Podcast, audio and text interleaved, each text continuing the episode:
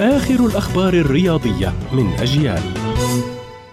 أهلا ومرحبا بكم إلى موجز لأهم الأخبار الرياضية. باشر منتخبنا الوطني تحضيراته النهائية لخوض تصفية الآسيوية المؤهلة لكأس آسيا 2023 بعد الوصول إلى أولان باتور عاصمة منغوليا.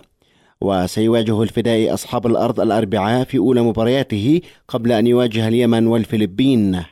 نجح المنتخب الكرواتي في خطف التعادل أمام ضيفه المنتخب الفرنسي حامل اللقب بهدف لهدف في الجولة الثانية من منافسات المجموعة الأولى ضمن المستوى الأول للنسخة الثالثة من منافسات المجموعة الأولى ضمن المستوى الأول للنسخة الثالثة من مسابقة دور الأمم الأوروبية. وتقدم المنتخب الفرنسي بهدف عن طريق رابيو في الدقيقة الثالثة والخمسين. وعدل كراماريتش النتيجة في الدقيقة الثالثة والثمانين.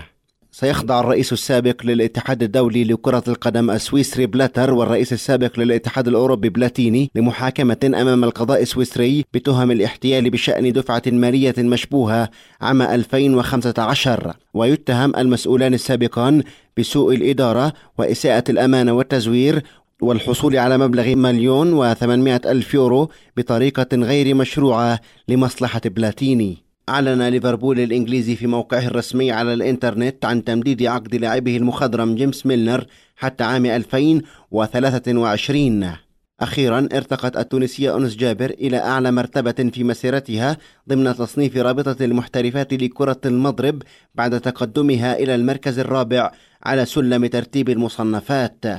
كانت هذه أبرز الأخبار الرياضية. كنت معكم محمد سمحان.